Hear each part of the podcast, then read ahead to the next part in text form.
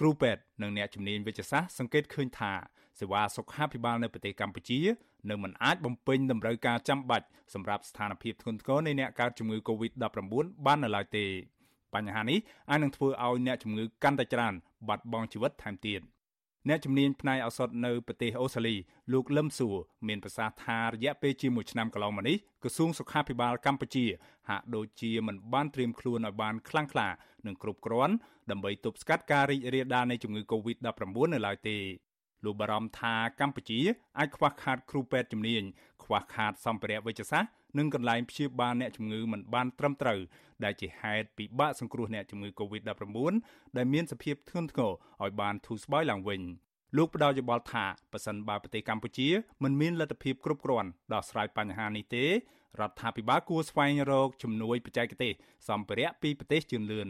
ប្រសិនជាមិនបានរៀបចំឲ្យស្រួលបួលទេជាគឺពិបាកតែម្ដងព្រោះរៀបចំឲ្យស្រួលបួលមានន័យថាយើងមានក្រែគ្រប់គ្រាន់សម្រាប់ទប់ទល់ហើយយើងត្រូវការមន្ទីរពេទ្យនឹងត្រូវកម្លៀតត្រូវឃ្លាតឆ្ងាយពីមន្ទីរពេទ្យធម្មតាទៀតហើយក្រែមួយមួយអីគឺត្រូវតែឆ្ងាយឆ្ងាយពីគ្នាហើយអ្នកក្រសួងបុគ្គលិកផ្នែកក្រសួងសុខាភិបាលវិជ្ជបណ្ឌិតក្តី nurse និងស្រីគឺថាត្រូវតែប្រុងប្រយ័ត្នខ្លួនតែម្ដងហើយត្រូវតែមានគឺប្រដាប់ប្រដាពាក់ mask ក្តីសម្លៀកបំពាក់ទប់ទល់ការពារក្តីអីក្តីត្រូវតែមានគ្រប់គ្រាន់តែម្ដង ការលើកឡើងពីក្តីកង្វល់របស់អ្នកជំនាញនេះគឺបន្ទាប់ពីកម្ពុជាមានករណីអ្នកជំងឺ Covid-19 ម្នាក់បានស្លាប់កាលពីថ្ងៃទី11ខែមីនា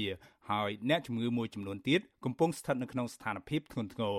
ជាងនេះទៅទៀតករណីចម្លងនៅក្នុងសហគមន៍បានបន្តកើនឡើងខ្ពស់ក្រសួងសុខាភិបាលរកឃើញករណីឆ្លងថ្មីចំនួន62អ្នកថែមទៀតនៅថ្ងៃទី12ខែមីនាដែលធ្វើឲ្យតួលេខអ្នកឆ្លងក្នុងសហគមន៍កើនឡើងដល់ជាង700នាក់ ការឆ្លងក្នុងសហគមន៍នេះបានប៉ះពាល់និងរាលដាលដល់បណ្ដាខេត្តជាច្រើនដូចជាខេត្តកណ្ដាលបាត់ដំបងសៀមរាប កំពង់ចាម កំពង់ធំព្រៃវែងព្រះសីហនុស្វាយរៀងកោះកុងនិងរាជធានីភ្នំពេញជាដើម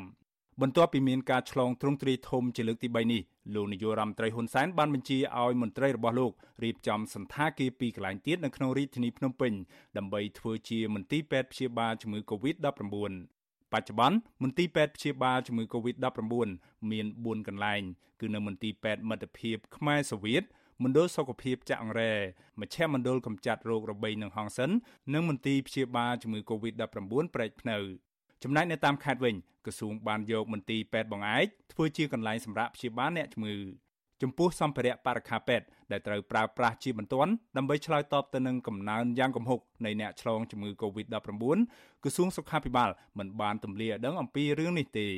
អាស៊ីស្រីមិនអាចតាក់ទងแนะនាំពាក្យក្រសួងសុខាភិបាលអ្នកស្រីអាវ៉ាន់ឌិននិងអ្នកស្រីយុសម្បត្តិដើម្បីសាកសួរព័ត៌មាននេះបាននៅឡើយទេនៅថ្ងៃទី12ខែមីនា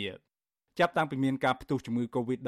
ទ្រង់ទ្រាយធំនិងមានអ្នកស្លាប់មកនេះក្រសួងសុខាភិបាលមិនបានផ្ដល់ព័ត៌មានពេញលេញនិងគ្រប់ជ្រុងជ្រោយដល់ប្រជាពលរដ្ឋនោះទេហើយសូម្បីតែអ្នកសារព័ត៌មានក៏មិនអាចតាក់ទងសុំព័ត៌មានចាំបាច់ទាំងឡាយពីក្រុមអ្នកនាំពាក្យនៃក្រសួងសុខាភិបាលបានដែរ ម្យ៉ាងវិញទៀតក្រសួងជំនាញមួយនេះហាក់ដូចជាចាំធ្វើតែតាមបញ្ជារបស់លោកនាយរដ្ឋមន្ត្រីហ៊ុនសែននៅក្នុងការផ្តល់ព័ត៌មានអំពីស្ថានភាពជំងឺ Covid-19 និងវិធានការជាក់លាក់ទាំងឡាយនៅក្នុងការប្រយុទ្ធប្រឆាំងនឹងជំងឺនេះសាស្ត្រាចារ្យមហាវិទ្យាល័យសហគមន៍ Forsyth Community College នៃរដ្ឋ North Carolina សហរដ្ឋអាមេរិក លោកស្រីថិតកំហ៊ុនមានប្រសាសន៍ថាកម្ពុជាមានបច្ចេកទេសវិទ្យាសាស្ត្រទុនខ្សោយអាចនាំឲ្យអ្នកឆ្លងជំងឺ Covid-19 ដែលមានអាការៈធ្ងន់ធ្ងរកាន់តែពិបាកសង្គ្រោះលោកស្រីបញ្យល់ថាការព្យាបាលជំងឺត្រូវធ្វើយ៉ាងណាឲ្យអ្នកជំងឺមានប្រព័ន្ធការពាររាងកាយរឹងមាំផ្ដល់របបអាហារទៅតាមក្បួនវិទ្យាសាស្ត្រឲ្យបានត្រឹមត្រូវនិងផ្ដល់ហិរញ្ញវត្ថុដើម្បីផ្គត់ផ្គង់ជីវភាពរបស់អ្នកមានកើតជំងឺ Covid-19 តែដោយឡែកទេប្រទេសកម្ពុជាយើងគឺឥឡូវនេះគឺធ្លាក់ចូលដល់ដំណាក់កាលដែលយើងដើរថយក្រោយនៃនៃការវិវត្តនៃ COVID នេះអញ្ចឹងចំពោះខ្ញុំគឺមានការព្រួយបារម្ភយ៉ាងខ្លាំងចំពោះប្រជាពលរដ្ឋខ្មែរដោយសារតែយើងដឹងហើយយើងត្រូវនិយាយការពិតអញ្ចឹងយើងទទួលស្គាល់ការពិតមិនមែនយើងបង្អាប់បន្តោសនៃក្រសួងសុខាភិបាលនៅក្នុងប្រទេសកម្ពុជាយើងទេ គិតត្រឹមព្រឹកថ្ងៃទី12ខែមីនាកម្ពុជាមានអ្នកកើតជំងឺ Covid-19 សរុបជាង